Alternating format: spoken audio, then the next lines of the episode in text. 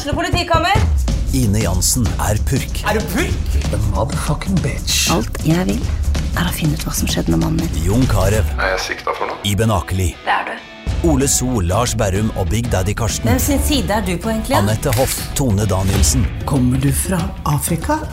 Jørnis Josef, Nesten. Kløfta. Trond Espen Seim, Det er synd å si det, men det var feil mann som døde.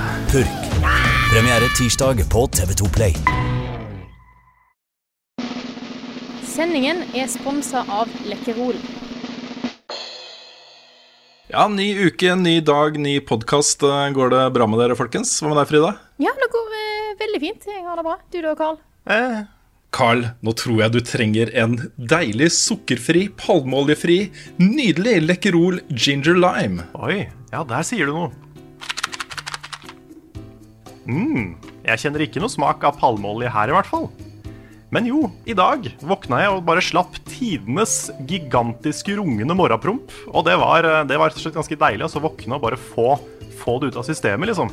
Så det var, en, det var en god dag. Så var liksom vasken min var tetta, for jeg hadde barbert meg. Og så hadde liksom bare alt Hashtag makes people talk.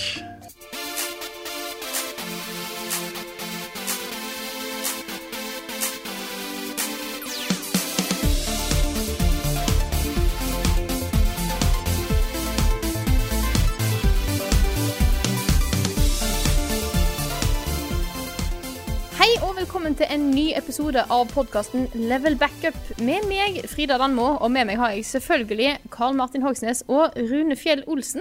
Hallo, hallo, folkens. Hei, Frida. Hallo! Og for dere som eh, hører på, så hørte dere kanskje at vi har fått inn noe eh, nytt i podkasten vår. Og det er nemlig at vi har fått vår første reklamekampanje. Eller hva er det Ja, det stemmer. Ja. Ja, annons, eh, reklamekampanje, An- spons, ja. sponsa kampanje, et eller annet. Ja, det, det merka jeg ikke i det hele tatt altså, når vi starta i dag. Dette er noe vi har jobba med og ønska oss lenge. Eh, Vi eh, trenger jo mer inntekter, og det sporet der, det løpet der, har jo eh, moderne media kjørt for oss en stund. Og det, nå har de endelig fått til en avtale. Så det vi skal gjøre, er rett og slett å ha en konkurranse under hashtaggen 'Makes people talk', hvor premien er at vinnerne vil få lov til å presentere sine historier her i podkasten eh, den siste uka. Det er i utgangspunktet planlagt at det skal gå i tre uker, dette her. Um, og flere detaljer kommer senere i podkasten i spørsmål og svar-spalten. Yes. Var det alt jeg trengte av informasjon? Ja, det var vel det, var det ikke det? Jeg vil tro det. Ja. Ja. Kan vi egentlig bare kjøre på med vanlig program? Det tror Det jeg vi gjør. Så eh, kanskje vi skal begynne å snakke litt om hva vi har spilt i det siste. Og eh, Rune, har du lyst til å begynne? Jeg kan godt, eh, godt gjøre det. Nå er jeg fullstendig hekta på Selda. Ja. det, ja, det skjedde, det skjedde liksom For jeg har spilt det veldig sånn stykkevis og delt med ungene. Bare eh, henta en shrine der og gjort en ting der, og så ikke brydd meg så mye om Questen eller noen ting, liksom. Eh, men så hadde vi en litt lengre chunk for en ukes tid siden. Og da var det gjort, liksom. Nå, nå flyr jeg rundt og ser at eh, eh, OK, jeg kan jo ikke gi meg før jeg har 120 shrines, og uh, hvor, hvor mange er det? 900 sånne Ja, hvis du, hvis du har planer om å ta de 900 Korok-sidsa, så ser vi ikke deg noe mer i år.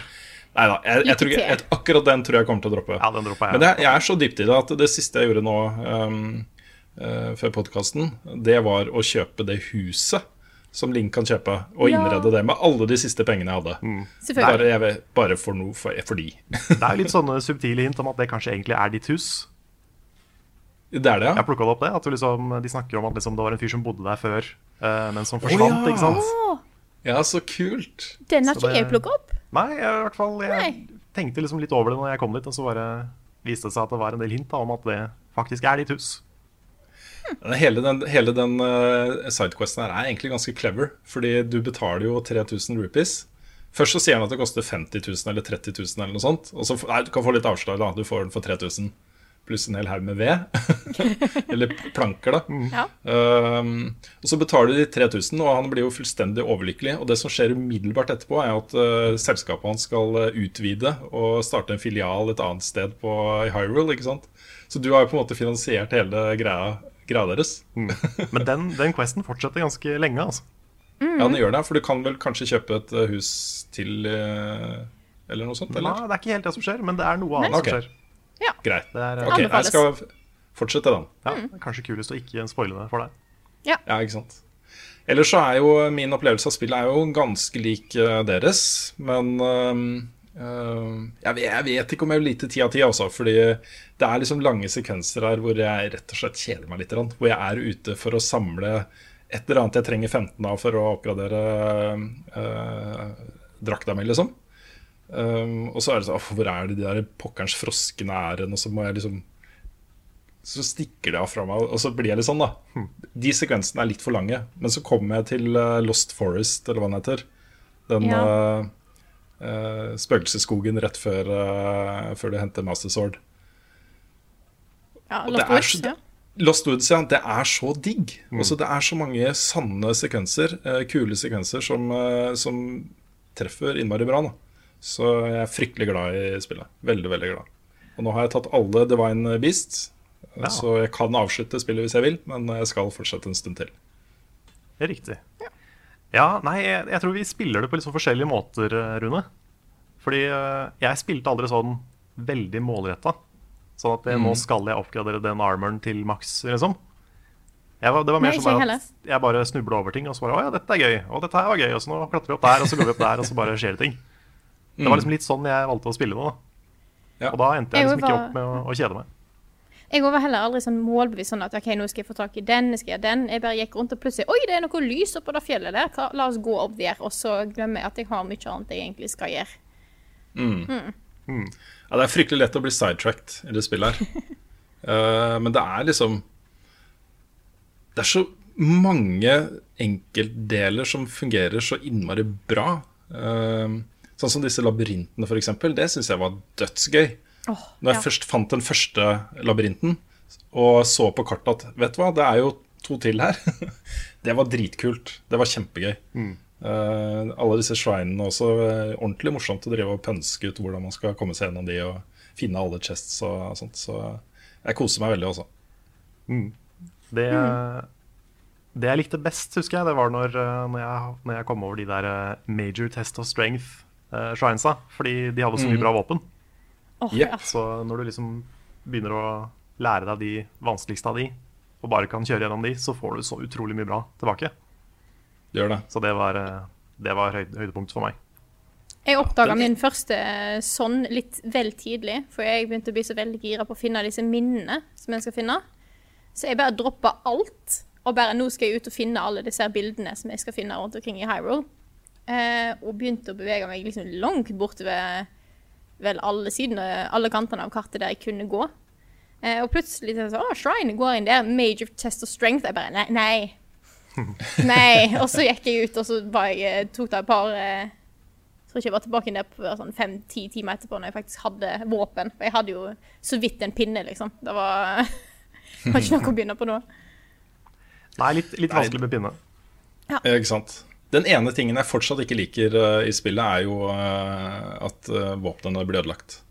Det klarer jeg ikke å, jeg ikke å like Altså Det designgrepet klarer jeg ikke å bli venn med, rett og slett. Og det, det er rett og slett fordi det skjer for ofte at jeg er midt i noe. F.eks. at jeg har uh, stoppa tiden uh, og skal, uh, skal liksom slå noe over en av, avgrunn for å treffe noe annet, liksom. Og så knuses den greia midt i, og så må jeg skifte, og så mister jeg momentum, og så må jeg bare starte på nytt. da Det skjer så ofte sånne ting. Så um, ja. Jeg er, ikke, jeg er ikke helt fan av det, altså. Nei, OK. Nei. Det var ikke så stort problem, syns jeg. Nei, Nei, det er ikke noe stort problem. Det er ikke sånn at, uh, at jeg trekker voldsomt for det. Men jeg, jeg, jeg skulle ønske at, uh, at uh, det var flere uh, Flere våpen som Master Sword. Også kanskje ikke like kraftige og andre typer våpen, og sånt, men at det var visse våpen du kunne finne rundt omkring som, uh, som ikke ikke-stykker. da. Uh, kanskje de var innmari vanskelig å finne, eller et eller annet. Jeg har jo begynt å få en del sånne med diamant uh, strength, durability. Så de holder jo en stund nå, men det blir jo fortsatt ødelagt. Så jeg vet ikke. Nei, nei ikke. Jeg, eh, jeg hadde liksom ikke noe problem med det etter at jeg fikk upgrada de uh, inventory-slotsa litt mer. Jeg hadde sånn Ja. 11-12 i hvert fall. Våpen samtidig. Same. Og så da kunne på en måte ha en del backup-våpen i forskjellige typer. At du har et sånt blad, du har eh, en torch og litt sånn, da. Alltid en great flame blade å gå rundt med. Alltid en Great Flame Blade. Det er jo kjempebra. For når du har på deg det, så blir du jo ikke kald. Ja. Det er også er ganske smart. Ja, men det, det, det er også en del av den dingen som jeg ikke liker. Fordi det som ofte ryker først, er jo en torch eller et, øh, et øh, sånn leaf. Og så trenger jeg det plutselig. Og da er det på en måte OK, hvor finner jeg det, da? Og så må jeg begynne å hogge ned trær eller øh, gå til steder hvor det kanskje kan være en torch. Og så har jeg plutselig brukt en halvtime på å finne en torch fordi jeg trenger det til en puzzle eller et eller annet. Fire arrows. Som Ja da, altså det fins alternativer. Um, men ikke til, ikke til den Leaf-tingen. Jeg har vært i situasjonen hvor jeg ikke har fire arrows, jeg ikke har noen uh, fire weapons. uh, og jeg trenger å sette fyr på noe. Ja. Så ja. Greit. Uh, ikke meninga å være surmaga på et uh, spill som er tross alt innmari bra, og mitt favorittspill så langt i år. Men uh, det er en liten issue som jeg uh, ikke er helt fan av. Det er, det er helt fair.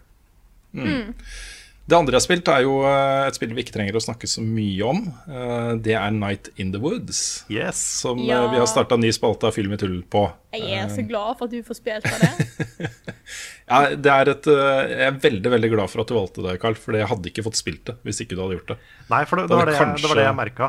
Litt fordi det har kommet så sykt mye bra den våren her. Mm. Og det, når skal man få tid til å sette seg ned og spille Night in the Woods, liksom? Ja, det er akkurat det. Så, eh, så den, eh, den eh, liker jeg. Det er veldig bra.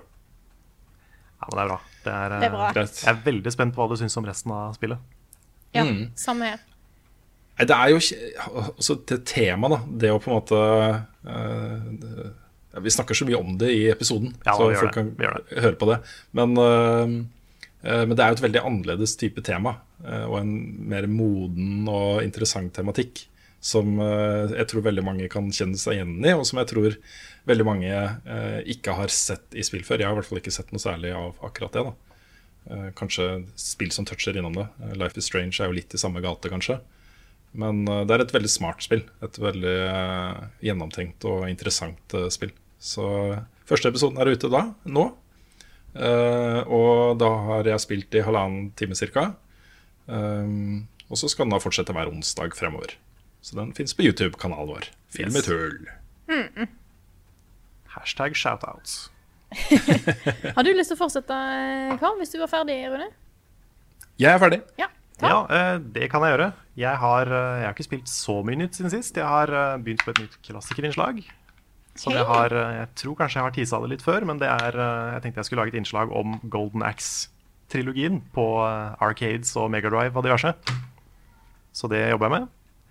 Jeg må en ny tur på standard, har jeg skjønt, bare for å få alt jeg trenger til opptak. Men, eh, men den, den er ferdig forhåpentligvis neste uke en gang. Regner jeg med. Det er alltid så morsomt når du skal gjøre et opptak og du må på standard Ja, for å gjøre opptaket. Det er sånn her man får en idé, og så bare OK, den koster litt penger og mye tid. Men nå som vi først har kommet på det, så kan vi ikke la være å gjøre det. Så det blir, det blir fort litt sånn, da. Så da, da må jeg en tur til byen.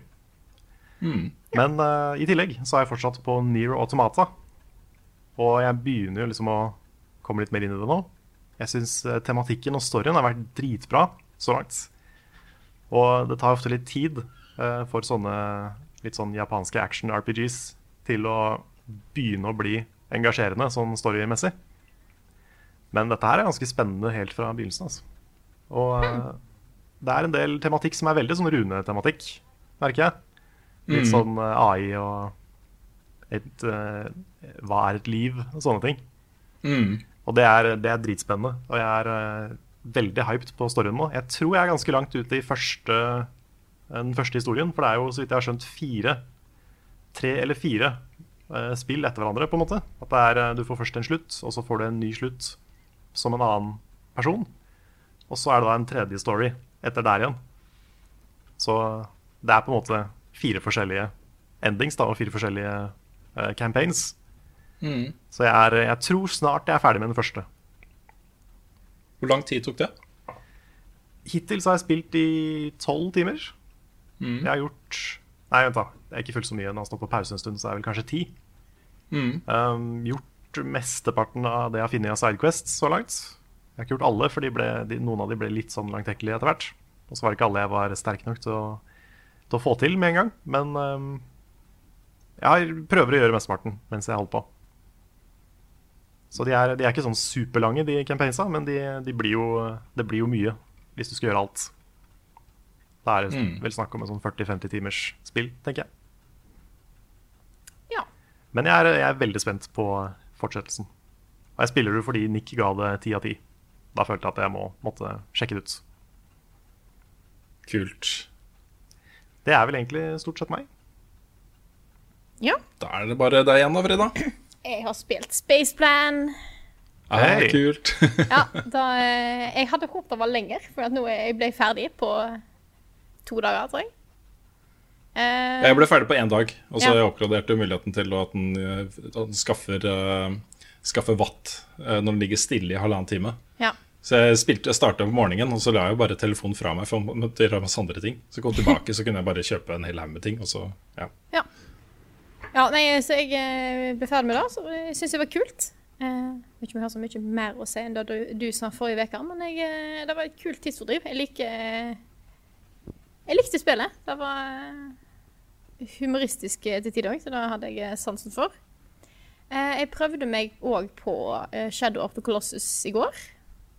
Og spilte et kvarter og ble kvalm og måtte legge det fra meg. Eh, så da tror jeg jeg må ta de dagene der jeg ikke er Vel, de dagene jeg er i bedre form. Eh, det er Noen dager går det, noen dager går det ikke, tydeligvis. Men jeg fant Jeg fant en salamander med hvit hale. Og et frukttre. Så eh, Nice. bare det har jo jeg kommet eh, langt på vei. Altså, jeg fant faktisk to salamandere med hvit hale, men den ene bugga ut. Ok. Så da- det var litt sånn surt. Men uh, da kan jeg leve med. Og så spilte vi jo uh, Player Unknowns Battleground på stream i går. Det gjorde vi. Ja. Det gikk jo, det gikk jo ganske bra, egentlig. Det vil si, det, var ikke så, det gikk ikke så bra med oss, kanskje, men det gikk veldig bra med Nick. Nick klarte seg veldig bra. Han, eh, for de som ikke fikk med seg eh, streamen, så kom han på andreplass på første gamet vårt.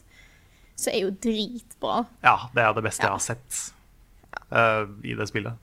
Så jeg var så close ja. på slutten der. Han så vel til og med han sistemann, gjorde han ikke det? Og begynte å skyte Ja. på han, og så døde han helt på slutten. ja. ja. Så da eh, det var, det var gøy å teste. Eh, gøy å se hvor dårlig jeg er i skytespill fortsatt. Eh, få den liksom bare bekrefta. Men eh, det var gøy, da. Gøy å spille med dere og eh, se på hvordan det gikk med lagene dere hadde med, med folk fra chatten etterpå og sånt. Ja, det var, det var kjempegøy. Det var jo andre gang vi streama det, fordi vi fikk så mye tilbakemelding på den første gangen. Så da, da ble det en gang til. Og jeg tenker at eh, når det kommer custom, eh, custom games eh, som vi kan lage Nå må det vel være sånn der Battlegrounds-partner, tror jeg, for å få lov å lage custom games. Men når det kommer til alle, så kan vi jo arrangere vårt eget level up-game. Det kommer jo til å bli legendarisk. Det må vi bare Det gjøre. kommer til å bli dritbra. Da må vi ha 100 folk, da, så jeg håper det er mange som spiller det. Og som har lyst til å være Vi klarer å finne 100 folk på Level Up Community, garantert. Vi får Ja. eh, satse på det. Så hypa jeg litt i, for, ø, i forkant. Ja, vi kan, vi kan legge Ja, ja. ut en video med sånn We, we need you. det, det kan vi gjøre. Så håper jeg det kommer etter hvert muligheten til å være seks personer på laget. For da, da kan vi være hele Level Up-redaksjonen på ett lag. Og mot alle. Oi, oi, oi. Det hadde vært gøy. Fett. Det var kjempegøy.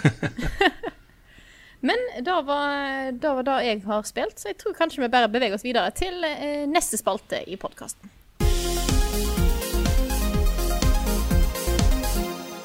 Da har vi kommet til ukens anbefaling, og i dag så er det Rune som skal komme med en eh, anbefaling til eh, lytterne. Jeg bare starta med å nyse høyt, jeg. Ja, litt, litt sånn nysevignett. Ja, Ja.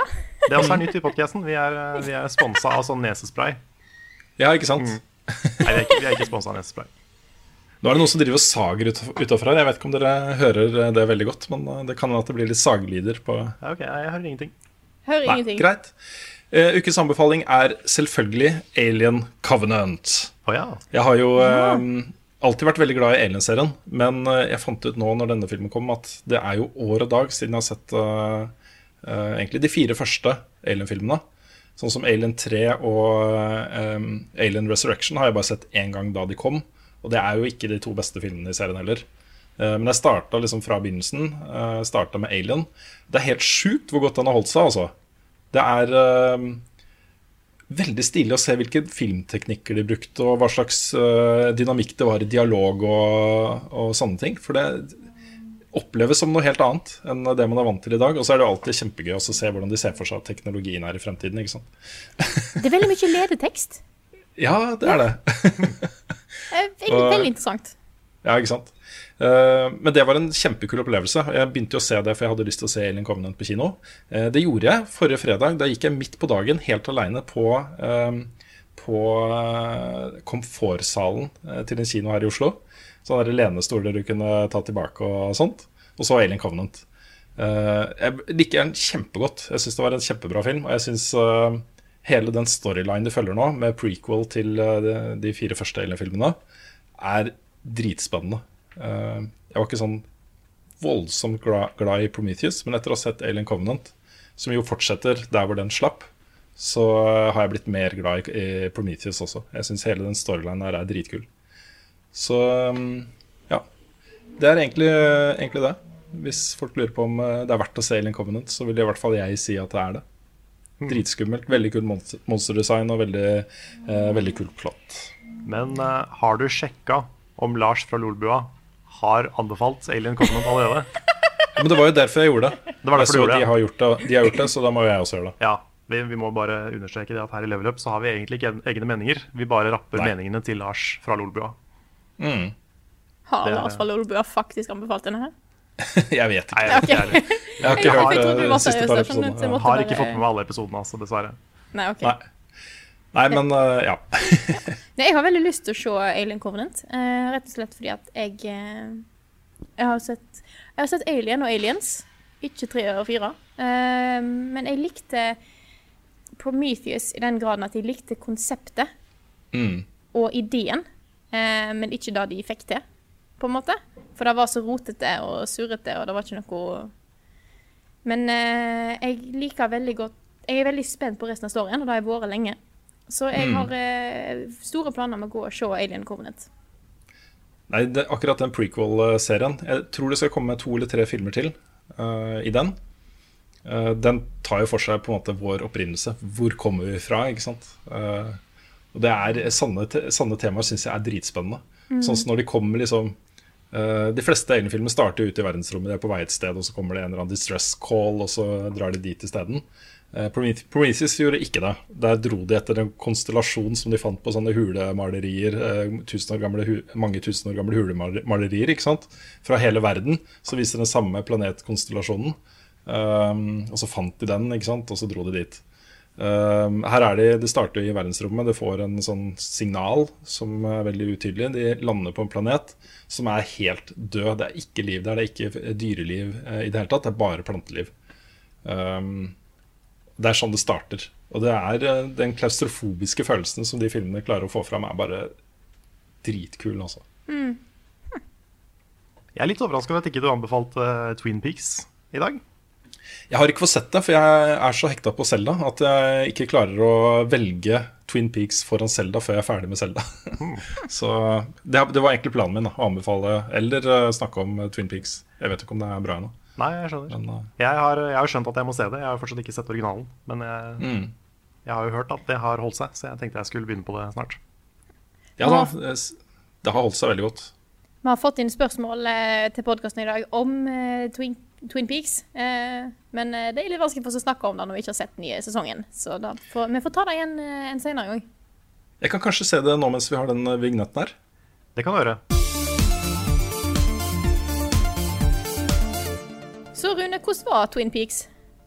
Du, den vignetten var akkurat litt for kort. Jeg rakk ikke å se, jeg rakk ikke å se det. Så dessverre. Ah, nei, men Da får vi ta det, vi får ta det en annen gang. Men eh, kanskje du har lyst til å snakke om litt nyhet istedenfor? Det kan jeg gjøre, vet du. Og øh, jeg, jeg har jo lyst til å begynne med Destiny 2. øh, Og det er, jeg syns det er litt rart også. Hver gang jeg snakker om Destiny, så er det sånn øh, drittspill og Kan ikke snakke om noe annet og sånt. Men når et av årets aller største utgivelser har blitt avduka for første gang med en time lang livestream og masse Selvfølgelig må jeg snakke om Destiny. Det er jo det, ikke er fortsatt, det er fortsatt ikke greit. Nei. Det er, eh, vi, vi har svartelista. Vi må svarteliste Destiny. Nei, Det kommer jo til å selge millioner på millioner eksemplarer og blir en giga. Bare vent på det, de pressemeldingene fra Activision etter lanseringen av Destiny 2. Det kommer til å uh, være ganske store summer det er snakk om. Um, men jeg syns det, ser, jeg synes det ser veldig bra ut. Og de har gjort en del endringer som jeg liker godt. Um, ikke minst så kan du nå matchmake på endgame content. Um, og man kan jo si På mange av disse nyhetene så er jo på en måte en vanlig tilbakemelding fra folk som har spilt Destiny en stund, er jo ja, Det er ikke noe vits å hoppe i taket for dette, for det burde jo vært der fra starten av, liksom. Og det er jo litt sant, ikke sant? Uh, mm. uh, men jeg, jeg, ser det litt som at ok, nå har de uh, brukt tre år på, på å lære, på å liksom finne ut av hvordan ting fungerer og hvordan folk responderer på forskjellige ting. Uh, og så gjør de en sånn liksom Best of Destiny nå. Og for, for, min del så er det egentlig bare kult. Jeg har hatt det bra med spillet, jeg også. Så, så det er bra. Og så liker jeg endringene i PVP, hvor eh, både 6 mot 6 og 3 mot 3-moduser har blitt 4 mot 4. Um, og det har blitt uh, universale cooldowns på granater og superegenskaper og sånne ting. Men betyr, betyr 4 mot 4 at uh, strikes også er for 4? Nei, det blir fortsatt 3. Det er bare PVP-biten som, som uh, nedskalerer da de store cluster ja, Nå kan du ikke si det i podkasten. Cluster uh, Cluster lovemakings. cluster, cluster pluck. Ja. Cluster plucks. Mm. Ja. Cluster coitus. Uh, ja, ikke sant. Så seks mot seks med, eh, med tolv forskjellige super og granater og sånt. Det blir jo bare kaos. Så det blir mye mer taktisk. Og så blir det litt uh, uh, Åpner opp litt de tre mot tre-modusene, særlig Trials of Osiris og sånn. Så det liker jeg veldig godt. Og så sier de jo at de har lagt mye mer fokus på historie, og jeg håper det er sant. At uh, det blir en engasjerende story å spille gjennom. At man kan liksom få en 10-15 eh, timer som er bare suger deg inn i dette universet, før man da begynner å grinde planetmaterialer for å oppgradere våpen. Mm. Jeg synes jo De kunne jo egentlig godt kjørt historien sånn som de gjorde det, så lenge de bare putta den i spillet, tenker jeg. For det hadde mm. blitt litt sånn à la Souls, at du uh, samler items og får litt law for hver ting du plukker opp. Eh, det er jeg ikke i utgangspunktet imot, kjenner jeg. Nei da. Og de har jo sagt at eh, hele det systemet går bort. Det blir ikke en egen side på web med Grimmar-tekst, liksom. Okay. Den, eh, det som er av law i spillet, skal være i spillet på en eller annen måte. Så ja. Men det som Destiny har vært helt enestående på, er jo gunplay og actionscenarioer og, og co-op. Um, og det er, det er, det er Bungie, liksom. Det, det, er de gode på. Og hvis du i tillegg får en del funksjoner rundt det som er bedre enn det det er i dag, så er det bare good times for meg, altså. Så, så dette blir gøy. Ja. ja. Vi kommer nok til å hoppe inn med deg på dag én, altså. Det er veldig bra. Jeg har tatt uh, fri allerede uh, fra uh, barn og familie og kone og sånt. det lanseres jo fredag ettermiddag klokka sju, tror jeg, sannsynligvis. den 8. september. Og det er jo en helg. Så hele den helgen skal jeg ta inn på noe Airbnb-leilighet eller et eller annet. Ja. Vi, vi, kommer til å lansere et nytt mål på Patrion, som er å bygge et sånt lekeromskip Trune, som man kan ha i hagen. Og kan sitte og spille Destiny i det romskipet. Oh, det hadde vært så bra. Og det er lås på døra, så det går ikke an å komme inn. Ja, ikke sant? Det hadde vært helt strålende. Mm. Ellers, Det er ikke så dyrt med garasjeleie i samme her. Det er ikke noen ledige garasjer, da, men uh, det hadde også vært kult. Ja, Da må du bygge om garasjen til et romskip, da. Ja, det er jo uh, Abre, da. Ja, det er jo dyrere. Det vet jeg ikke om jeg gidder. Nei, ok. okay. Mm. Vi får se. Har du noe mer eh, enn Destiny å snakke om i dag? Jeg har det i morgen vår tid, eh, mens da senere i kveld for de som hører på podkasten. Eh, hvis dere hører på den når den kommer ut, så avduker jo Ubisoft Far Cry 5. Men vi har fått litt info som, som det er verdt å nevne allerede. Og det er at spillet skal foregå i Montana i USA. Og det er på en måte den militia bevegelsen som den tar utgangspunkt i. Tydeligvis så har det etablert seg en militia som har tatt kontroll over, et område i Montana. Uh, og det kommer til å gå inn på mye sånn religiøse uh, overtoner og sånt. Ja, jeg så det bildet som de la ut. Mm. Og det var jo Det var en ganske sånn politisk lada bilde, det der. Jeg var litt, jeg var litt imponert over at de turte å, å ta den. Mm. de har sagt da at ikke det er kontroversielt på den måten folk tror. Uh, jeg vet ikke om de prøver å downplaye litt uh, ja, det er litt rart, innholdet i spillet. I men, ja. um, men uh, ja, det er jo helt åpenbart tatt utgangspunkt i sånne ekstremt religiøse, militante grupper rundt omkring. Og det fins jo ikke bare i USA, det fins jo her. kanskje. Mm. Jeg vet ikke. Ja da, det, det er absolutt det. Så Kanskje ikke fullt så mye våpen her, men uh, noe er det vel kanskje.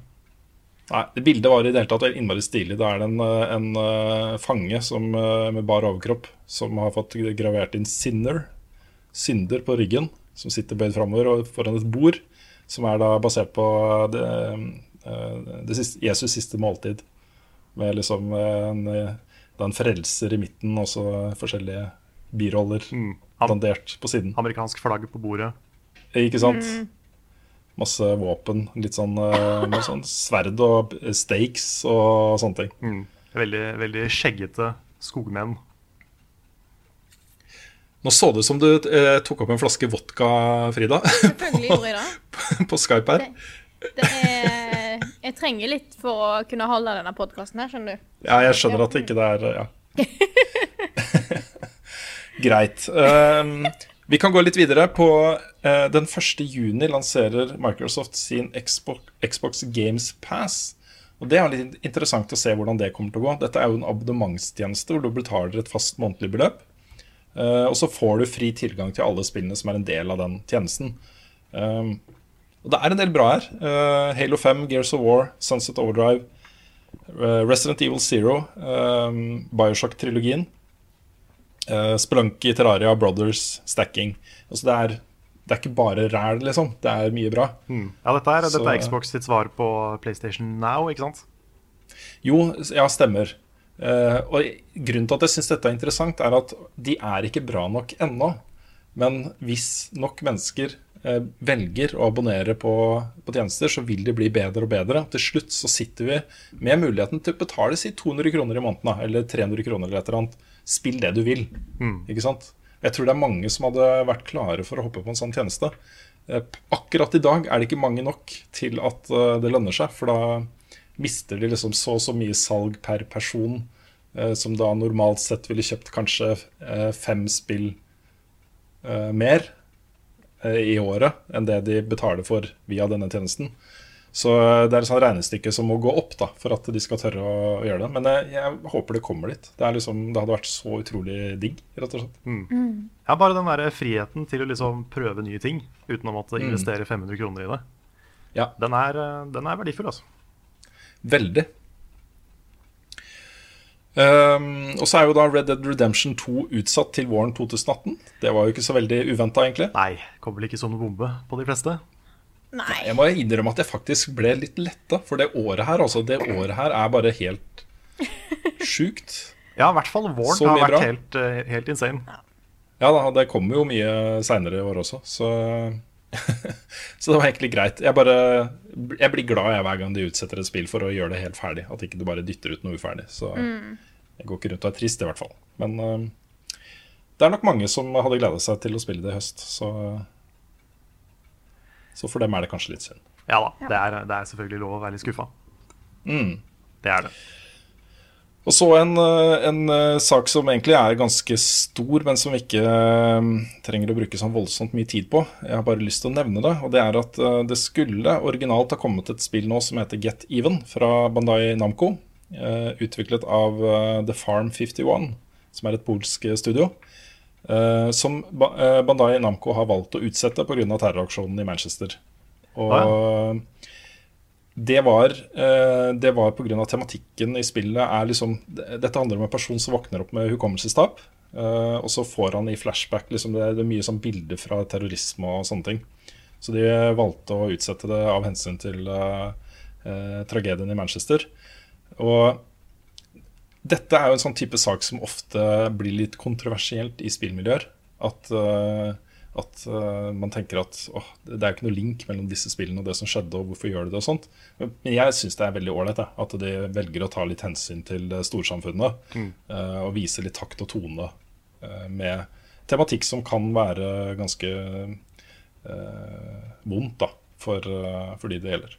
Jeg er helt enig. Jeg syns det er veldig menneskelig ting å gjøre, hvis du kan, kalle, hvis du kan si det sånn. Det er en veldig eh, Det er en veldig god tankegang å tenke at dette spillet vårt kan kanskje Det er ikke nødvendigvis at det har kommet til å være det, men det kan kanskje være Jeg fant ikke et godt ord, men problematisk for de som kanskje var oppi det, og, velger å holde det tilbake syns jeg er en veldig et fint valg, da. Ja, det er, det er litt sosialt intelligent, rett og slett, syns jeg. At, eh, Og så viser det at spill lages jo ikke i en verden for seg sjøl, det lages jo i en felles verden der det skjer ting. Og det at man er litt, uh, tar litt hensyn til ting som har skjedd, det er jo egentlig bare, bare høflig, på en måte, og bare omtenksomt gjort. Ja, og så skal vi ikke eh, legge skjul på at, at Manchester er jo i England, hvor pressen ikke akkurat legger to fingre mellom når de skal vri ting og vinkle ting og pushe agenda. Um, jeg ser jo for meg at det her hadde blitt ganske mye skriverier om dette spillet eh, hvis det hadde kommet ut nå. Da skal vi snakke om ukens tema. Eh, og Carl har noe han har lyst til å ta opp i dag. Det har jeg. Det er jo et tema vi har vært innom før. Et tema som vi får en del spørsmål om. eh, Og vi har svart litt sånn forskjellig på hver gang. Jeg tenkte vi kunne ta det opp som en litt sånn diskusjon eh, i dag. Og det er anmelderscores. Om vi burde ha de eller ikke. Fordi eh, det fins jo fordeler og ulemper med å sette et, eh, et poeng eller et, et tall på en eh, spillanmeldelse. Samtidig som det tallet får veldig mye oppmerksomhet, føler jeg. Det er liksom Teksten og det vi sier, forsvinner litt i det tallet på slutten. Og alle henger seg veldig opp i det, da, ofte. Så jeg vet ikke, er det, er det lurt å ha det, eller burde vi vurdere å la være? Jeg hadde vært veldig befriende å slippe å gi en, eh, en eh, poengsum til et, en spillopplevelse. Det er så mange ganger jeg sitter der og bare åh, ja, jeg får vel gi en karakter, da. og så eh, blir det bare Ja, jeg vet ikke. Jeg, jeg syns det er mye mer behagelig å bare anbefale noe eller ikke, på en måte. Og så kan man heller lese nyanser i teksten eller i manus eller se på video eller hva som helst, liksom. Eh, Samtidig så vi, vi kommer jo fra VG-verden, og i den verden så er jo det å anmelde noe uten et terningkast utenkelig. Det går jo ikke. Det er jo en del av pakka, liksom. Alt må ha terningkast.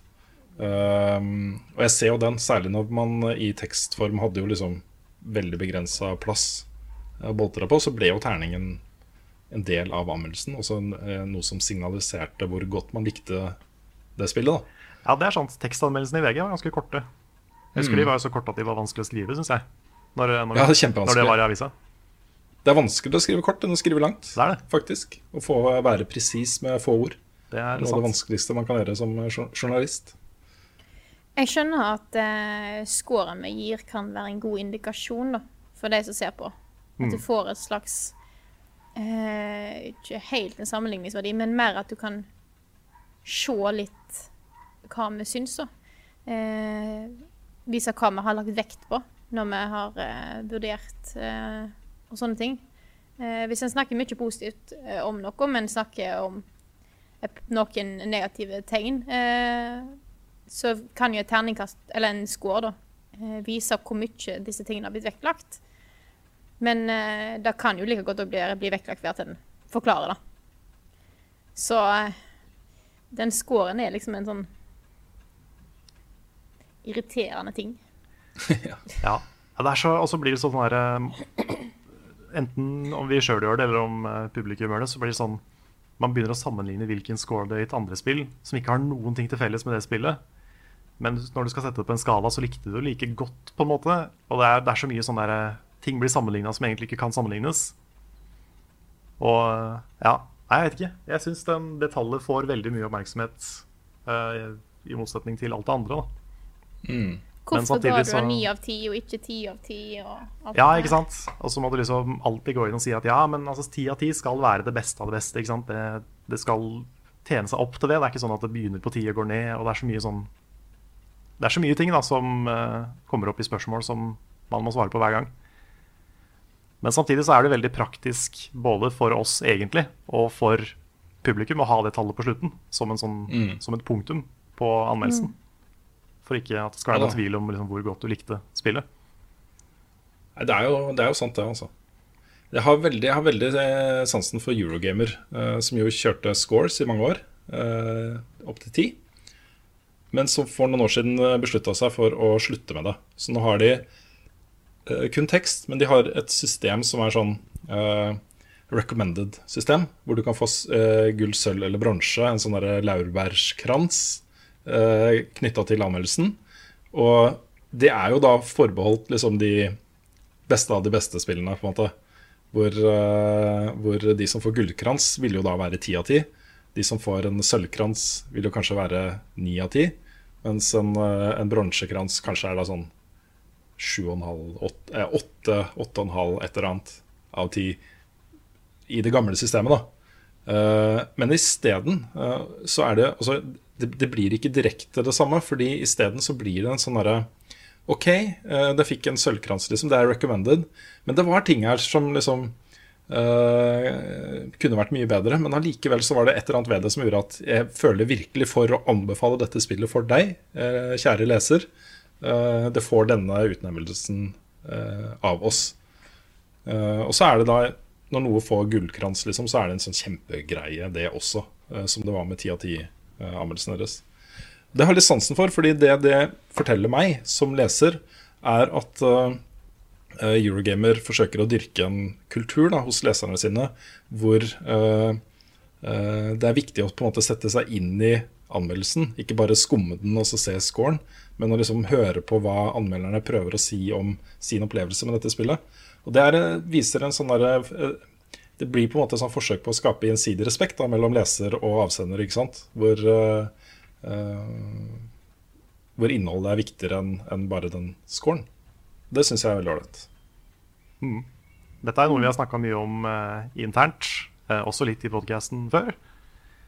Og vi må vel på et eller annet tidspunkt også ta et valg om vi skal et veldig sånn direkte valg om vi skal fortsette med det, eller om vi skal la være. Uh, jeg har også lyst til å involvere den uh, Patrion-gruppa vi har, som uh, vi kan mm. gå ut og diskutere ting med. Mm. høre hva de har å si. Fordi jeg vet ikke liksom hvor, hvor enig seerne våre er i det at vi tviler på scores, da. Men det vil jeg gjerne høre mer om. Det er ikke sikkert de ser det problemet som vi ser. Nei, ikke sikkert.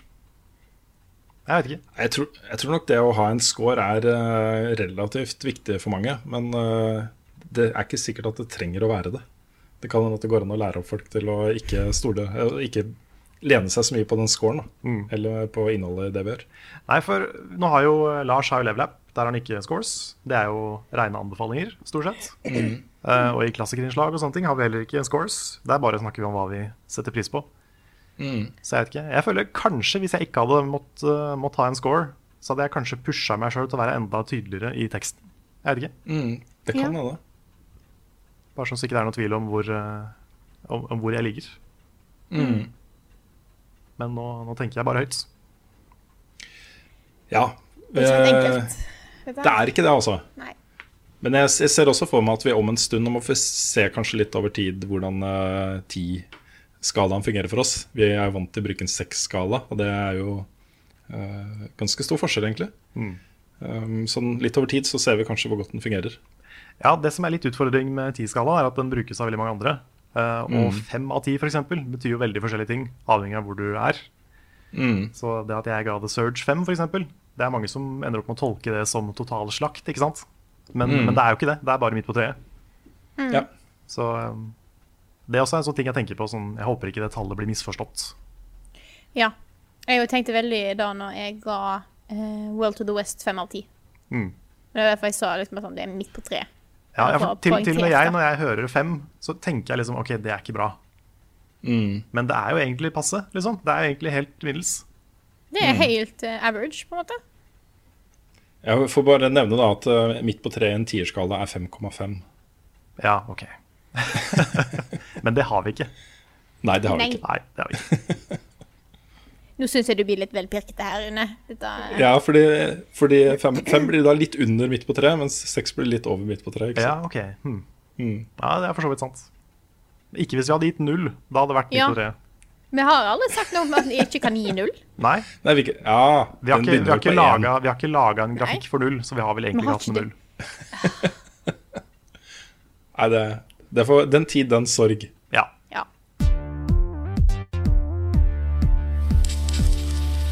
Da har vi kommet til spørsmål- og svarspalten vår. Og før vi begynner på spørsmål, så vil vi snakke litt om konkurransen vi skal starte nå. Der du kan vinne en kasse med Lekkerol, et trådløst headset og deltakelse i podkasten vår. Kan ikke du snakke litt om det, Rune? Det kan vi gjøre. Og eh, de mest oppvakte av lytterne våre skjønner jo at dette er eh, sponset av Lekkerol. Eh, Dette er en kampanje vi kjører sammen med dem nå.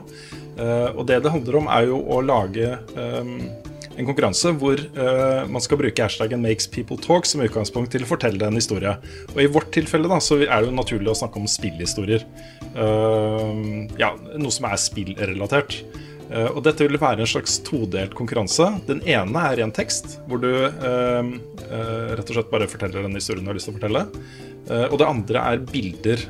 Enten da tegninger, fotomontasje, 3D, et eller annet, something, something. Eh, og det skal kunne deles to steder. Det ene er eh, på Facebook, eh, og det andre er på Instagram. Og Det er veldig veldig viktig at dere, dere som vil være med i konkurransen, bruker riktige hashtags, ellers så klarer ikke vi å finne de riktige bidragene som er til oss. Og den første og viktigste er hashtag 'makes people talk'. Hvis du deler det på Instagram, så må du også bruke alfakrøll lakirol underscore Norge. Eh, og eh, i begge tilfeller, både på Facebook og eh, Instagram, må du bruke hashtaggen Buffkitten. Yes. Så vi ser hva som er våre ting. Så når alle de tre er på plass, så klarer vi å finne de bidragene som du har lyst til å sende inn til oss i denne, denne konkurransen. Jeg er kjempespent på hva folk kommer til å sende her. Altså.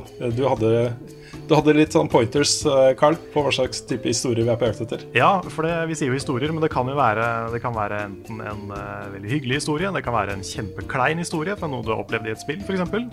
Eller noen du har spilt med.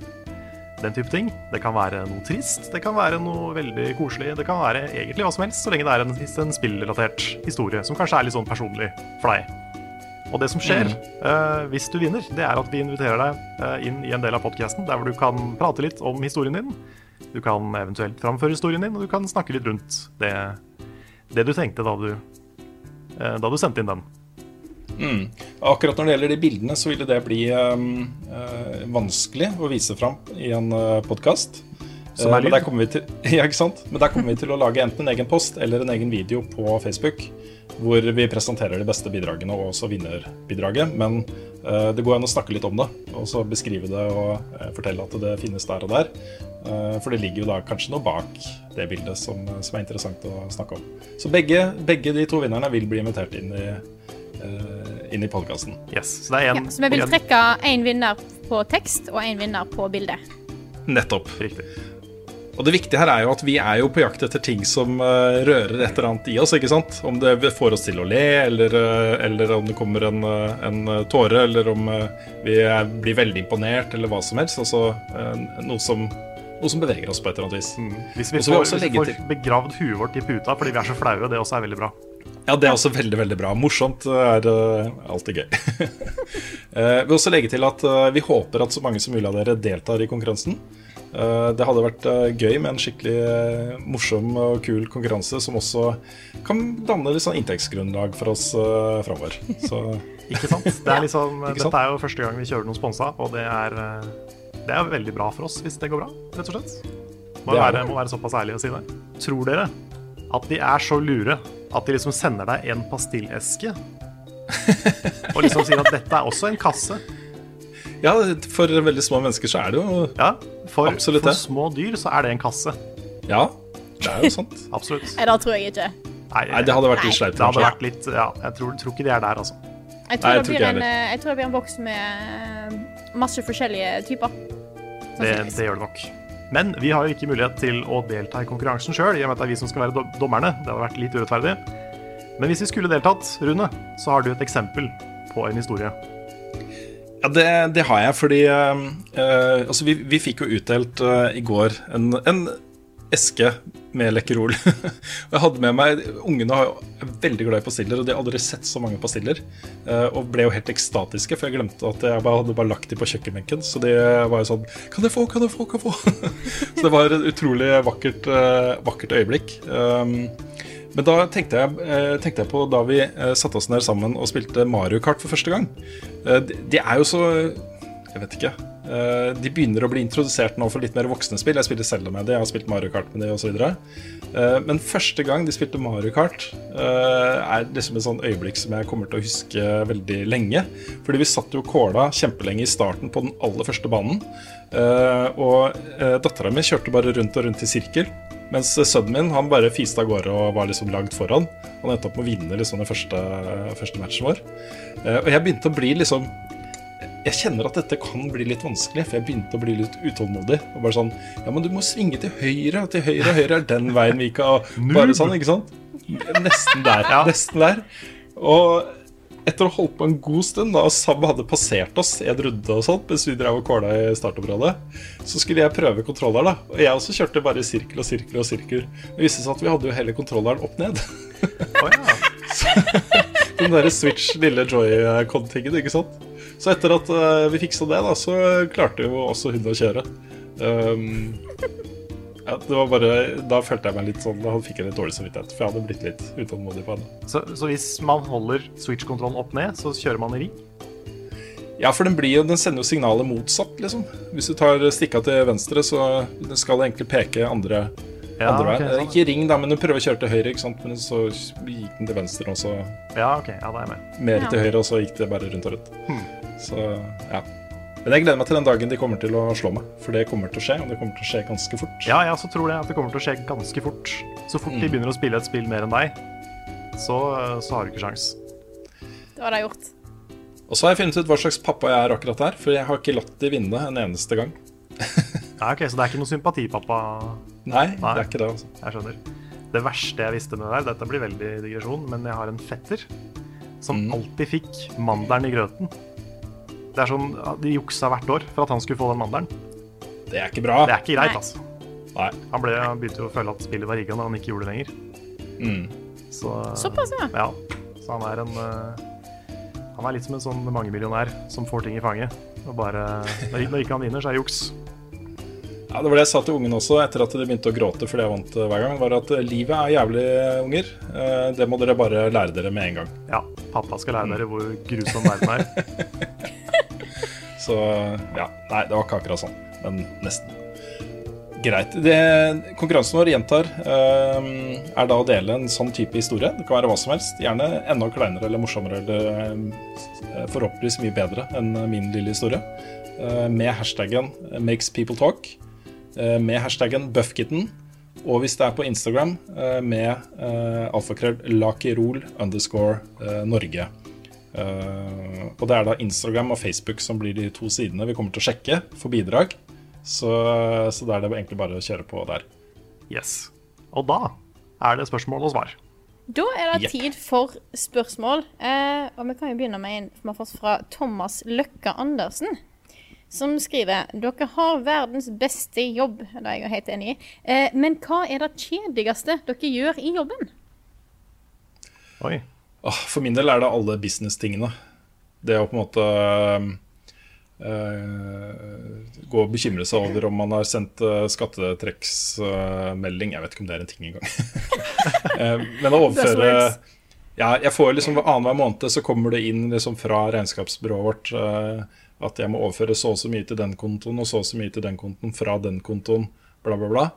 Og forrige uke så glemte jeg det.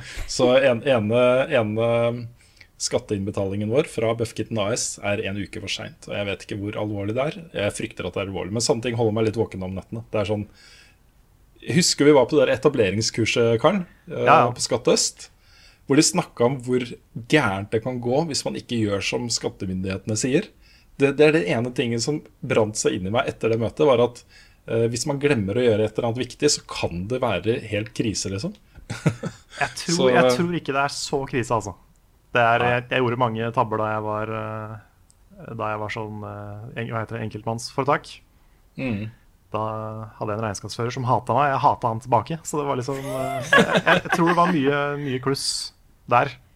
Ja. Så det går nok som regel bra. Altså. Jeg får håpe det. Så lenge man husker mindreverdifaktura. Ja. ja. Nei, for det, det som jeg syns er verst med den jobben her, er jo akkurat det å ha et enkeltmannsforetak. Eh, og ikke nødvendigvis jeg klarer å føre regnskap Fordi det er ikke så mye. Og jeg kommer under den der eh, 50 000-grensa, så jeg slipper å levere noe veldig store greier. Så det er jeg fornøyd med. Men det er alle disse her som ringer meg og skal gi meg bedriftsavtale på strøm og telefon. Ja. De, gud, god damn it. De må jo slå slutt å ringe. Ja hvis, du, hvis du har et enkeltpersonsforetak, noen av dere som hører på, aldri si ja til noen ting over telefon på den måten der. For det er bare drit. Ja. Og det er folk som prøver å øh, utnytte nyoppstarta enkeltpersoner og skal få deg til å abonnere på alt mulig crap som ikke du trenger, og du aldri kommer til å trenge. Så øh, stay away. og de er, de er så utspekulerte òg. Nå skal jeg ikke begynne å prate om dette her, for jeg blir, dette er sånne ting som har irritert meg lenge. Men de, de, skal, de, de utgjør seg for å bare være telefonkatalogen. ikke sant? De skal bare ha navnet ditt. De skal ha informasjonen din for å legge det inn i systemet. Så tenker du liksom, ja, ok, sikkert greit. Og så finner du ut etterpå at nei, det koster 3000 kroner. Så bare, bare, bare si nei og legg på. Uansett. Hvis det er noen som vil ha tak i businessen din for noen sånne ting, så bare ikke, ikke hør på dem. Men jeg har fått én telefon i jobbsammenheng én gang, eh, som jeg aldri fant ut hva var for noe. Eh, og da var mens jeg var i Singapore. Så fikk jeg en telefon, og noen spurte ja, hei, du er du som eh, du jobber frilans. Journalistikkaktig. Jeg bare sånn Ja, men akkurat nå er jeg i Singapore, kan du ringe meg tilbake etter påske? Og så hørte jeg ingenting. Og jeg har ingen anelse om hva det var for noe. Jeg er nesten litt sånn der irritert. At jeg ikke fant Ja. ut hva det var. Det var kanskje noen som prøvde å selge deg noe, men så skjønte de at oi, dette her blir en dyr telefonsamtale, og så Ja, det er bare sikkert. ga de opp. Jeg vet ikke. Ja, nei, Ellers så er jo den generelle tingen da Den generelle tingen som er kjedelig i jobben vår, det er jo å spille kjedelige spill for å anmelde de. ja, det kan Det, være er, det kan være veldig kjedelig, altså. Vanligvis, som vanlig spiller, så legger man det bare bort ikke sant? og ser det aldri igjen. Mens her må man jo spille nok til å kunne liksom Kunne stå for meningen sin om spillet. ikke sant? Vite at ikke det skjer noe seinere i spillet som er uh, verdt å nevne. ikke sant? Eh, det er, da går det fort mange timer som bare er bortkasta, altså. Ja. Og så er, det, så er det litt kjedelig hvis du har en videofil som er ti timer lang, og du har ett klipp på fem sekunder som ikke du husker helt hvor det er. Ja. Eller hvis Det- du filmer en del timer, og så du filmer kanskje tre-fire timers bolker, og så er den ene blitt korrupt. Ja, sånt er kjedelig. Ja. Ellers så er det stort sett veldig gøy det vi gjør, altså. Oh, ja, Jeg synes oh, ja. til, og med, til og med klipping er jo, synes jeg er gøy. Det er mange som Ja, hater, hater klipping. Klipping er kjempegøy, og se hva du får til. Mm. Ah. Skal vi gå videre til neste spørsmål? Det kan vi gjøre. Yes. Vi har fått, eh, vi har fått inn et par dilemmaer denne gangen her. Vi kan begynne med et fra Martin Rotmo fra Patrion. Så skriver 'aldri få end, end credit', altså fullføre et spill. Altså aldri ta siste boss eller siste level. Eller bestandig ta ti minutter pause fra spilling hvert tiende minutt. What?! Den var Ja, vanskelig, altså er altså. ganske vanskelig. Er det lov å se siste boss på YouTube? Er spørsmålet. Vet hva? Det er for det står bare 'aldri få end credit'. Eh, så jeg vet ikke helt om det faktisk teller. Jeg tror du må kanskje ha den eh, Vet du hva, Begge deler er såpass jævlig at, uh, at uh, da tror jeg nesten jeg hadde slutta å spille og begynt å lese bøker eller uh, se på film isteden. Ja, det blir litt som å Jeg, jeg vet, prøver å tenke sånn ti minutter. Det blir litt som å se en ti minutter lang Let's Play, så ta pause og så se en ny episode. Ja. Det går jo an. Så det er ikke Jeg det verste jeg- i verden. Jeg tror det blir den. altså. Jeg tror jeg hadde tatt den, jeg òg, altså. Men hvis jeg får lov å se siste boss på YouTube, så velger jeg den andre.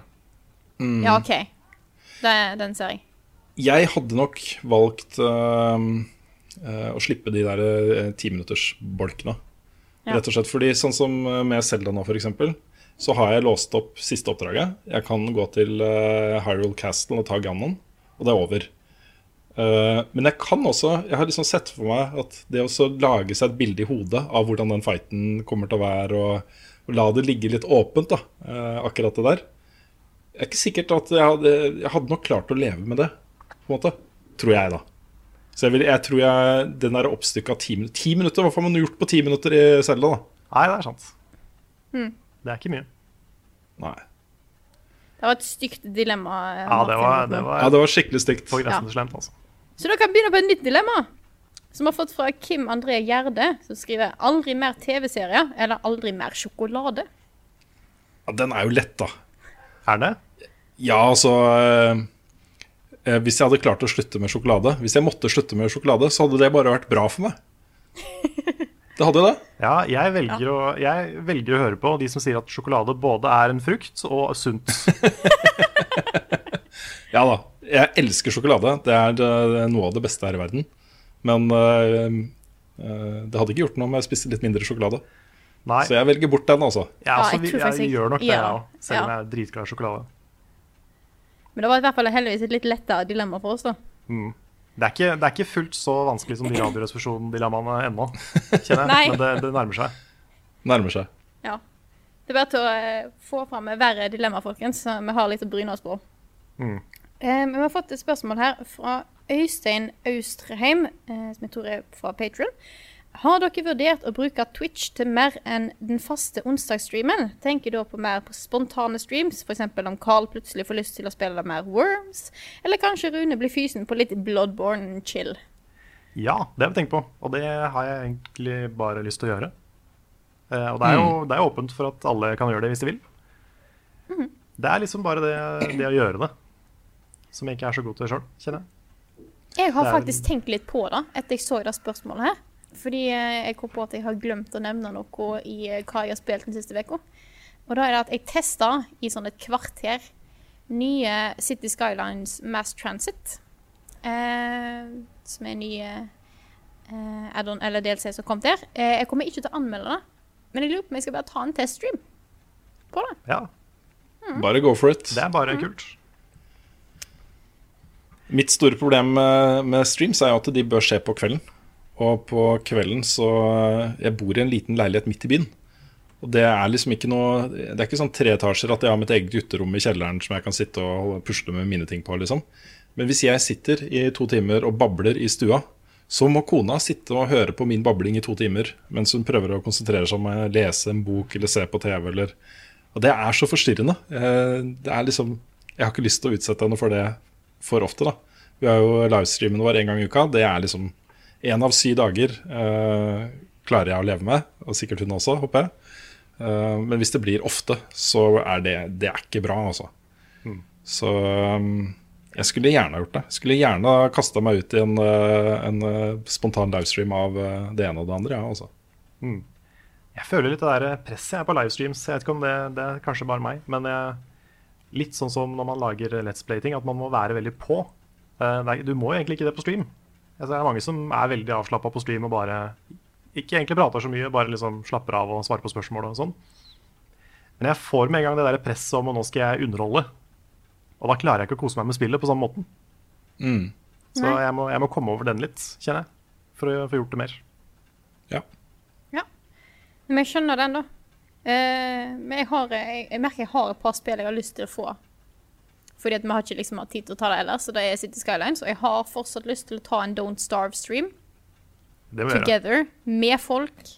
Jeg er med. Eh, Ja, så da må vi bare få gjort det en gang. Og så må jeg bare faktisk pushe litt på det. Ja. Yes. Jeg, eh, jeg er med. Men når vi snakker om Let's Plays, så har vi fått et spørsmål fra Sander Lindner Sevland. Eh, som skriver Kjekt å se Let's Plays på YouTube-kanalen deres. Har dere flere planlagte Let's Plays som dere skal lage? Og, det så, og i så fall, er det flere enn bare Carl som skal gjøre det?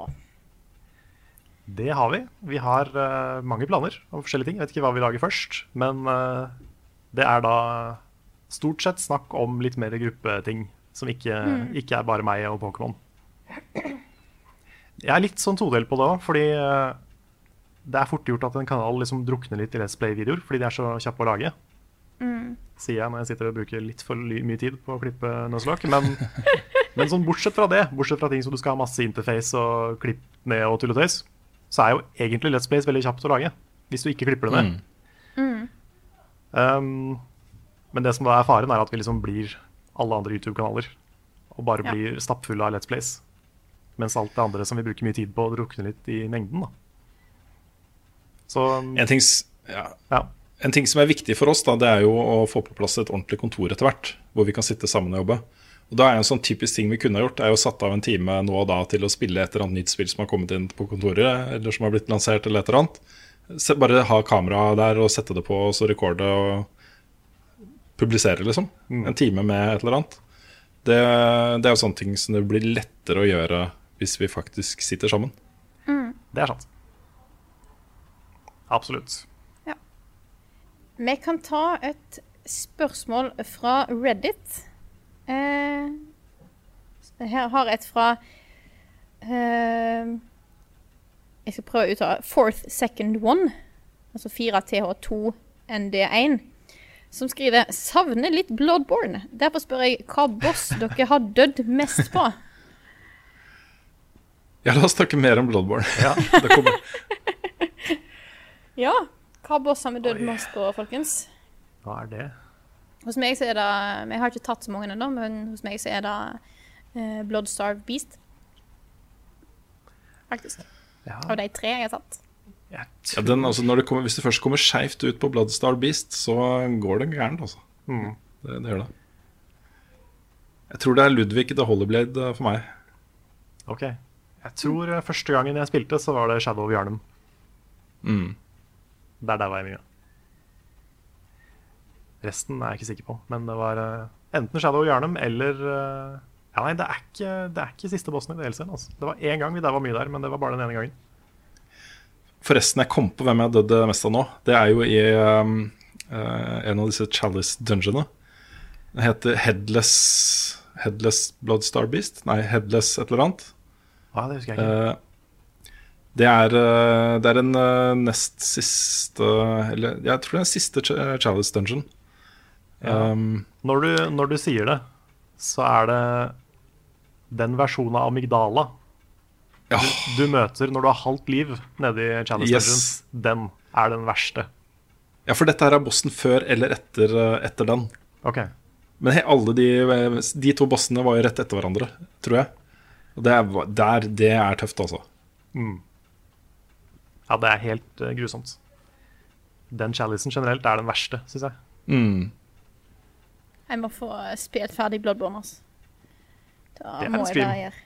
Kanskje ikke med en gang, siden vi har streama såpass, såpass mye Bloodborne, men uh, someday. Someday. Jeg kan fortsette her på Reddit. Vi har fått et spørsmål fra Espen5B. Som skriver Hvor ser dere for dere level up er om fem år? Elsker dere alle, forresten.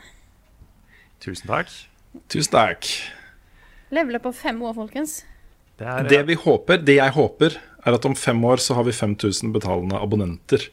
Altså f- eh, 5000 mennesker som betaler en liten sum i måneden for å se det vi gjør. Um, det, er, det er det som skal til for å, for å ha en liksom solid økonomi i en sånn type satsing som vår. Ja, med 5000 så har vi eh, Da går det bra med oss, liksom. Da, da har Ja. vi penger til å gjøre mye gøy. Mm. Ja, jeg håper eh, Det blir mye mer håper enn tror, men jeg tror jo også at det kommer til å ordne seg, mye, mye av det her. Um, Men at vi har en fast sponsor som er uh, stabil over lang tid. Det håper jeg. Mm. At vi har et godt kontor der vi kan sitte i lag og gjøre ting. Og flere av dere, du og Lars og Nico og Svendsen og sånt, er ansatt på heltid. Det er inkludert da i de 5000 eh, betalende abonnentene. Ja, ja, ja hvis, vi, hvis vi har det, så da skal flere av dere inn. Så da er, om fem år, folkens, da er, da er alt på stell. Ja. Tell your faktisk, friends. vi har faktisk snakka om det, Karle Frida. At den perfekte administrerende direktør for firmaet vårt hadde jo vært deg. Det hadde det. Ja. CEO Ja, det- Frida Danmo. ja, jeg har jo Yep. fått høre at jeg skal være CEO, så da er, jeg, jeg gleder meg, jeg. Da er jeg klar. Da kan du ha kontakt med regnskapsbyrå. Ja, ikke sant? Du bare gir alt det, alt det til deg. Og så får jeg all den gøye jobben. Ja, Men det, ja, men det, er faktisk, det er faktisk et poeng at du er jo Jeg tror du er mer organisert enn alle fem andre av oss kombinert. Det tror jeg også. Dere er litt surrete innimellom. Vi er, vi er ganske surrete hele, alle sammen, egentlig. Ja. Meg sjøl inkludert, eh, så jeg vet ikke hvordan dette skal gå, men eh, da, ja. Vi kan ta, eh, ta et spørsmål her. Siste spørsmål vi har fått inn på Reddit, som kommer fra Baule. Jeg vet ikke helt hvordan jeg skal uttale dette her, men noe sånt. Baule. Baule, som spør hva er deres favorittmåltid, og hva er deres favorittmåltid som er raskest å tilberede? Oi. Det var en, en twist på slutten. Favorittmåltid? Jeg er Det er liksom enkelt å si det, men jeg er veldig glad i pinnekjøtt. Pinnekjøtt er jo bare Det kan være fordi at det er så sjeldent en har det. Det er jul og kanskje påske, men ellers er det ikke, Men da er da er nam. Knorr lasagne. Det er favorittmåltid. Ja, Det er kjapt å lage òg, ikke sant? Ja, det er, det er ganske Ja. kjapt å lage. Det er, ikke, det er ikke så kjapt å lage at det ikke er litt sånn øh, gidder jeg det i dag? Men det er nesten. Ja. Favorittmåltid som er kjapt å lage, er vel kanskje taco. Det er liksom bare å kutte opp ting og steke litt kjøtt, og så har du, så har du et måltid. Men eh, det jeg liker best jeg er, vi, vi har vel fått spørsmål en eller annen gang eh, om hva slags Nei, vet du, det hørte jeg på en annen podkast. Sikkert Dolby òg. Ja, du vet hva, det var Lolbu. Det var Lolbu, jeg hørte det. Oi, oi. Det De er fikk sånn spørsmål om hva slags- eh, stjerne. Ja, ja. De fikk eh, spørsmål om eh, hva slags Hvis de måtte velge et kjøkken Var det Lolbu eller var det Dustene? Jeg husker ikke. Det var Dustene, var det. Gudskjelov, det var Dustene. Ja. Hva slags kjøkken Hvis de måtte velge et kjøkken og bare kunne spise det resten av livet til alle måltider, hvilket kjøkken hadde det vært? Og mens jeg hørte på eh, at de svarte på det, så tenkte jeg på det selv. Da tror jeg at jeg hadde valgt japansk kjøkken. Rett og slett fordi det er eh, mye smaker og ganske variert, tross alt. Altså det er jo, eh, sushi er jo utrolig mye forskjellig. Eh, og sånne risboller med deilig kjøtt oppi, og ramen og, og sånt. Så det, det er nok min favorittmat også. Selv om i praksis så er nok min favorittmat pizza, liksom. Det er eh, Men angående sånn type kjøkken, så hadde jeg òg valgt noe asiatisk. Eh, jeg har spist veldig lite japansk.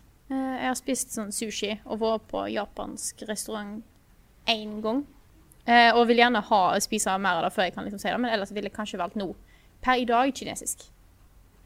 Og da jeg kom inn på mitt, min favoritt, eh, mål, mitt favoritt raskt måltid, er stekt ris. Jeg lager veldig god stekt ris. Det er godt, det. Det er også i det japanske kjøkkenet. Stekt ris. Ja, stemmer det. Ja, da er det, da er det safe. Da er det good. Det er kanskje beste og letteste å tilberede. Det er hvis man reiser til USA og får eh, På sånn f.eks. Dennis, eller noe bedre enn Dennis, da, får liksom egg og bacon-tallerken med fries og liksom frukt på sida, med pannekaker. Det er eh, For det, det slipper jeg å tilberede. Så det er jo det beste og letteste. Ja, men jeg tror spørsmålene gikk ut på å lage ting selv, da. Jeg skjønte jeg det. det Jeg bare hadde lyst til å si det. Men dere må gå videre til neste spørsmål, som er fra Anders Hole på Patrion. Så spør Rune hva kreves for at du skulle grodd ut håret ditt igjen? Nevn en challenge slash pengesum som hadde, la, eh, hadde gjort at du hadde lett, latt det gro. um, det kommer ikke til å skje, sånn eh, uansett, liksom. Eh, kanskje det blir litt lengre etter hvert, men eh, jeg har blitt eh, Jeg har blitt Jeg slutta jo eh, å gå til frisøren fordi jeg hata å gå til frisøren. Og tok høvelen fordi det var det aller enkleste for meg. Og så bare ta høvelen, så var jeg ferdig med det, liksom. Jeg var så drittlei av å gå til frisør. Og det kosta så mye du, penger. ja, hvorfor hata du å gå til frisøren? Jeg jeg vet ikke, det var kjedelig, og det kosta så mye penger, og så ble jeg aldri fornøyd, og så var det liksom Ja, Ja, jeg, jeg, jeg, kjenner meg jo igjen i alt det. ikke sant? Eh, men så hadde jeg det allerede liksom som 19-åring eller 20-åring eller sånt, barbert hodet for aller første gang. Og jeg det var jeg, jeg likte det, liksom. Jeg likte hvordan det føltes å ikke ha hår, rett og slett. Så um, det var egentlig derfor det ble sånn, tror jeg. Hvis jeg hadde vokst ut nå, så hadde det jo blitt sånn Da måtte jeg, Hvis jeg skulle hatt hår på toppen av, så måtte jeg hatt hentesveis. Det hadde vært kjempemorsomt. Det hadde vært gøy å sett én gang. Ja. Mm. Jeg er helt motsatt av dere, for jeg elsker å gå til frisøren. Eh, men det er mest derfor at da får jeg jeg får vaska håret med full sånn, hov, hode, hodebunnsmassasje, som er noe av det beste jeg vet. Eh, Det er bra du fortsatte der, at ikke du slutta på det å få vaske håret. Ja, sånn. Nei, jeg gjør det kun de gangene jeg er hos frisøren. Nei, eh, Og så pleier jeg ofte å gjøre en, eh, på en, måte en full ting ut av det. Nå har jeg veldig langt hår og pleier å ha hårkur i det, så det blir kjempemjukt og bare alt er fint. da. Men nå har jeg ganske mye hår å holde på med òg. Så da Ja, jeg syns ikke å gå til frisøren er så ille nå. Men det er fordi jeg har funnet en veldig sånn koselig sånn tantefrisør i Oslo. som er liksom en klassisk småbyfrisør, bare i Oslo. Som er litt sånn der, litt sånn der vis middelaldrende dame som prater med masse forskjellige. Det er, det er blitt litt koselig. Så nå er, det- nå er det greit. Og så har vi fått inn et spørsmål der vi trenger en uh, liten uh, melodisnutt, Karl. Ja, OK. Da Ja. kan vi, vi kan kanskje ta et annet spørsmål eh, først. Kan vi ta et et spørsmål annet. eh, først? Selvfølgelig. Eh, vi har fått et spørsmål fra Robert Karstensen på Patron. Som skriver Hei, jeg har endelig somla meg til å støtte dere på Patron. Må bare beklage at jeg ikke har gjort det tidligere. Dere fortjener absolutt støtte for den gode jobben dere gjør. Tusen takk. Tusen takk. Så spørsmålet er hva skal til for at dere har én eller to ekstra podkaster i uka? Noen mulighet for det? Ja. Altså, det er jo ikke, det er jo ikke umulig. Nei. Eh, å ha level up-podkasten flere ganger, det blir kanskje vanskelig. Vi sliter jo Man skulle liksom ikke tro det er så vanskelig, men det hender at det er litt vanskelig å planlegge noe som funker for alle og sånne ting. Og så må vi ha, vi må ha noe å snakke om. Jeg er redd hvis det blir mange podkaster i uka, så går vi litt tom for å bare gå og snakke om hva vi har spilt. Eh, Ja, det er og sant. Men eh, jeg vet at Rune har noen ideer, og jeg også har noen ideer til podcaster som jeg har lyst til å lage. Som kanskje ikke er ukentlig, men eh, enten uh, annenhver uke eller en gang i måneden. eller noe sånt, Som er eh, litt mer sånn temafokusert. da.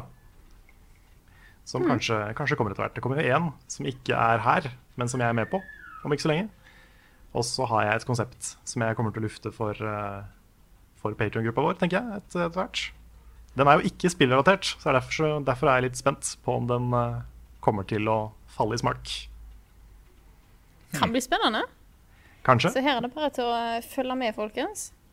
Så vi får se. sex og samliv eh, eh, du har tenkt å ta opp endelig. Du har snakka om det lenge. Ja, lyst å det er, eh, det er kropp, pubertet, sex og samliv.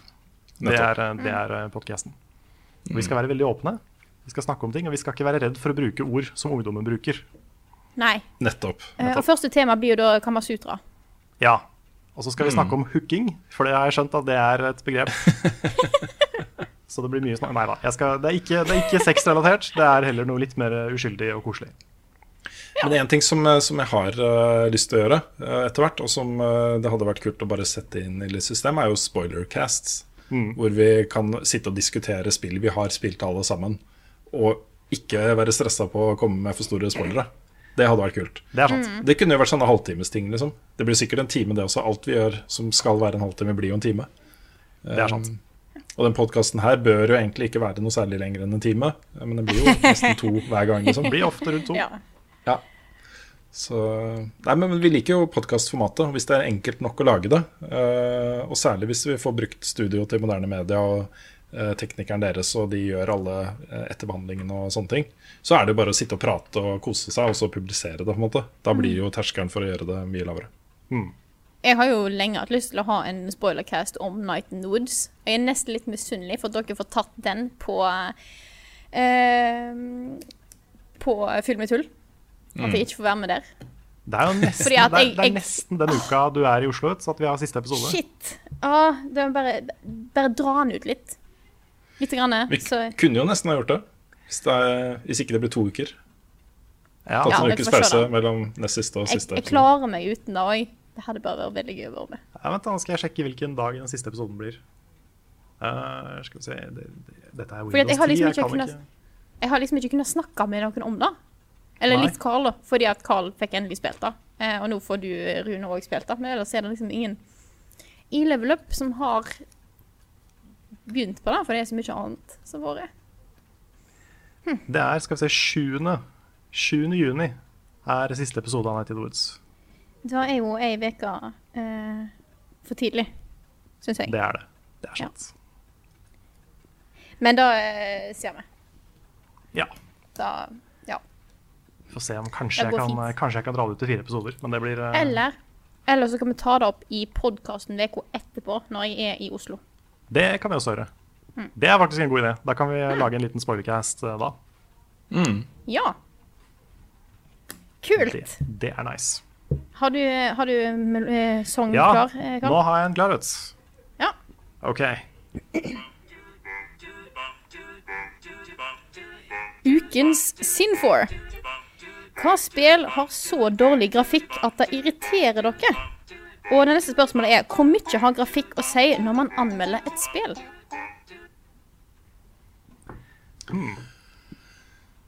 Ja, jeg vet ikke om jeg har noen uh, særlig sånne. Hvor uh, grafikken er så dårlig at jeg blir irritert. Jeg kommer ikke på noen uh, eksempler her nå. Jeg har. Og før noen finner fram høygafler og fakler og har lyst til å bli sint her nå, så eh, jeg har en grunn til å si det òg. Og da er nesten alle spill på Nintendo 64. Og da er ikke fordi at jeg syns grafikken er forferdelig, og alt sånt, men grafikken og framerate er så dårlig at jeg blir kvalm av det. Jeg klarer ikke å spille Nintendo 64-spill fordi jeg blir kvalm. Jeg har klart å spille Ocarina of Time på 3DS, men jeg prøvde å spille det på en TV, og det gikk ikke.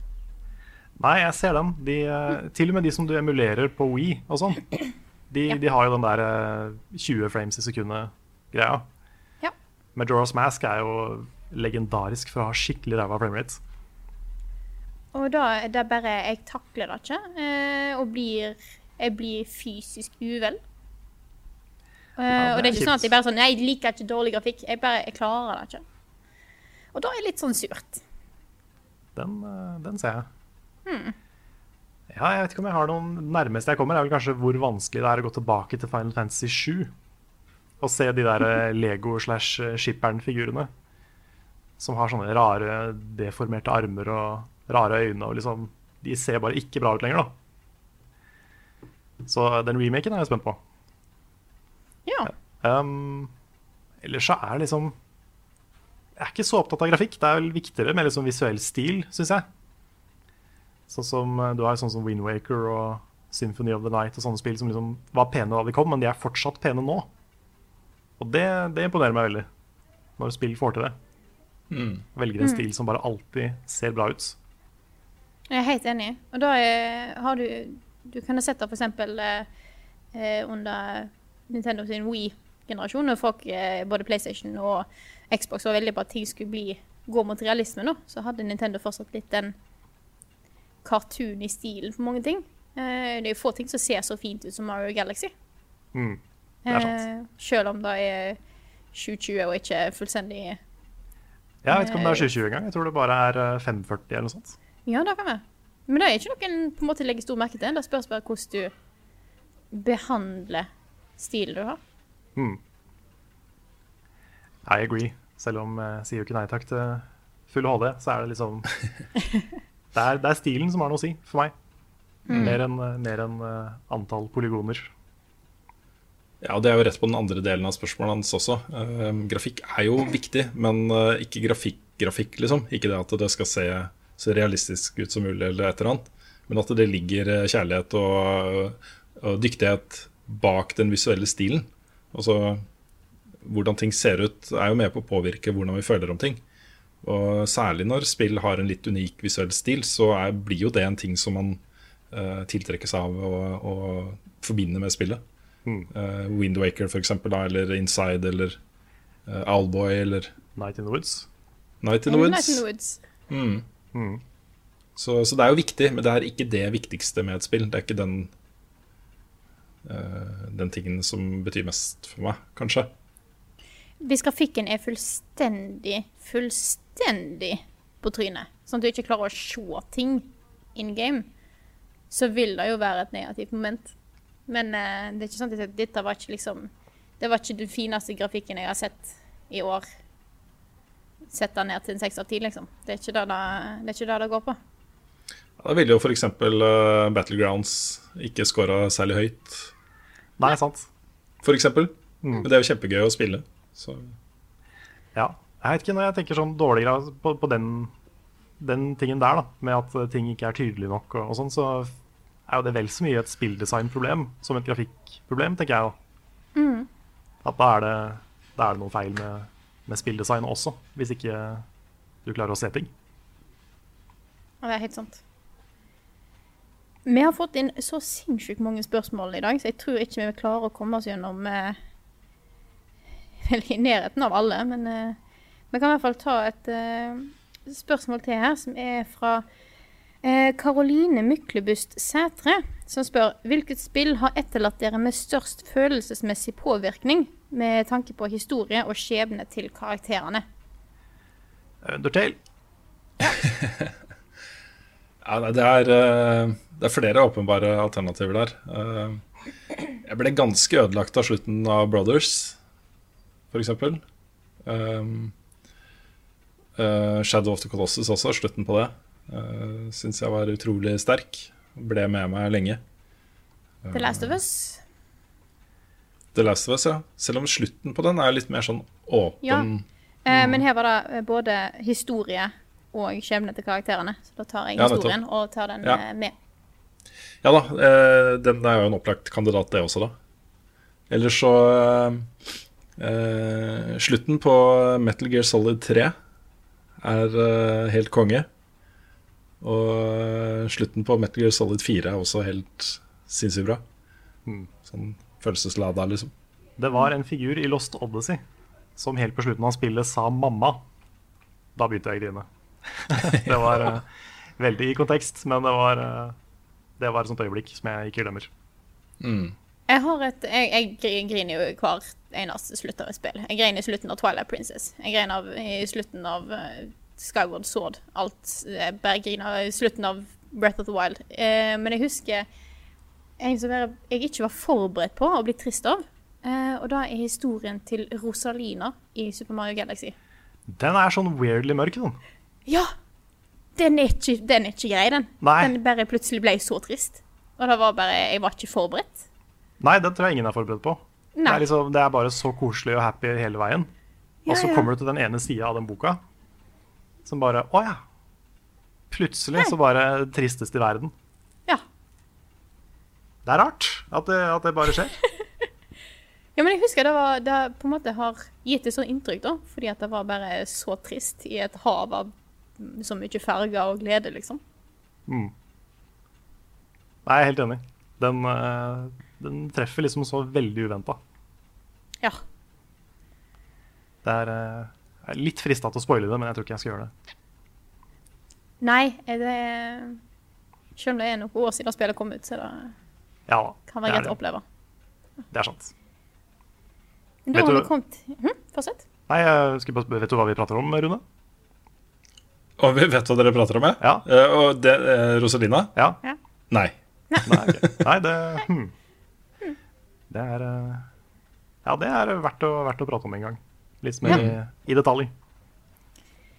Men da tror jeg vi har kommet til eh, den delen der jeg spør om dere har funnet noen spørsmål dere har lyst til å ta opp. Jeg har ikke sett Ja. noe spesielt. Nei, jeg syns du tok de fleste av de jeg tenkte på allerede. Ja, fordi eh, vi nærmer oss vel oss tid for å avslutte, fordi klokka begynner å nærme seg eh, halv fem, og da er det vel noen unger som kommer hjem med Rune, er det ikke det? Er det. Eh, så hvis ikke vi har noe eh, Hvis ikke dere har noe mer, så eh, Nei, De kan bare runde av på en eh, fantastisk eh, briljant og naturlig avslappa måte igjen, Frida. ikke legg så mye press på meg nå, da. Men nå kan jeg begynne å, kan jeg begynne å avslutte eh, med å si tusen takk til alle dere som støtter oss på Patrion. Eh, uten dere så kunne vi ikke sittet her og lagd podkast og snakka om eh, spill og alt mulig annet rart. Og det er ikke noe vi bare sier. Sånn er det. Nei. Det er faktisk eh, det er ikke, Jeg håper å si det er ikke fordi det står i manuset mitt at jeg skal si det, men det er faktisk fordi at jeg eh, Fordi vi mener Tusen takk. eh, Tusen takk til eh, alle som støtter oss. Eh, tusen takk til alle som eh, har hørt på podkasten, og som ser på det vi lager. Eh, og så takker vi for oss, og eh, så snakkes vi neste uke til en ny episode av Level Backup. Ha det bra!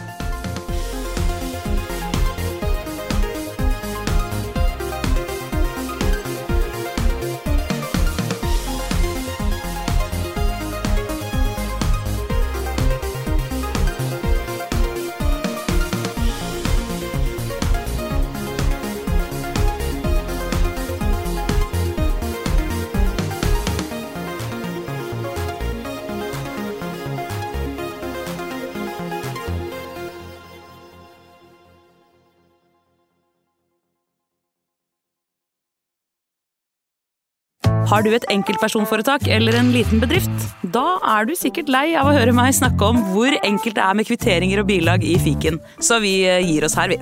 Fordi vi liker enkelt. Fiken superenkelt regnskap.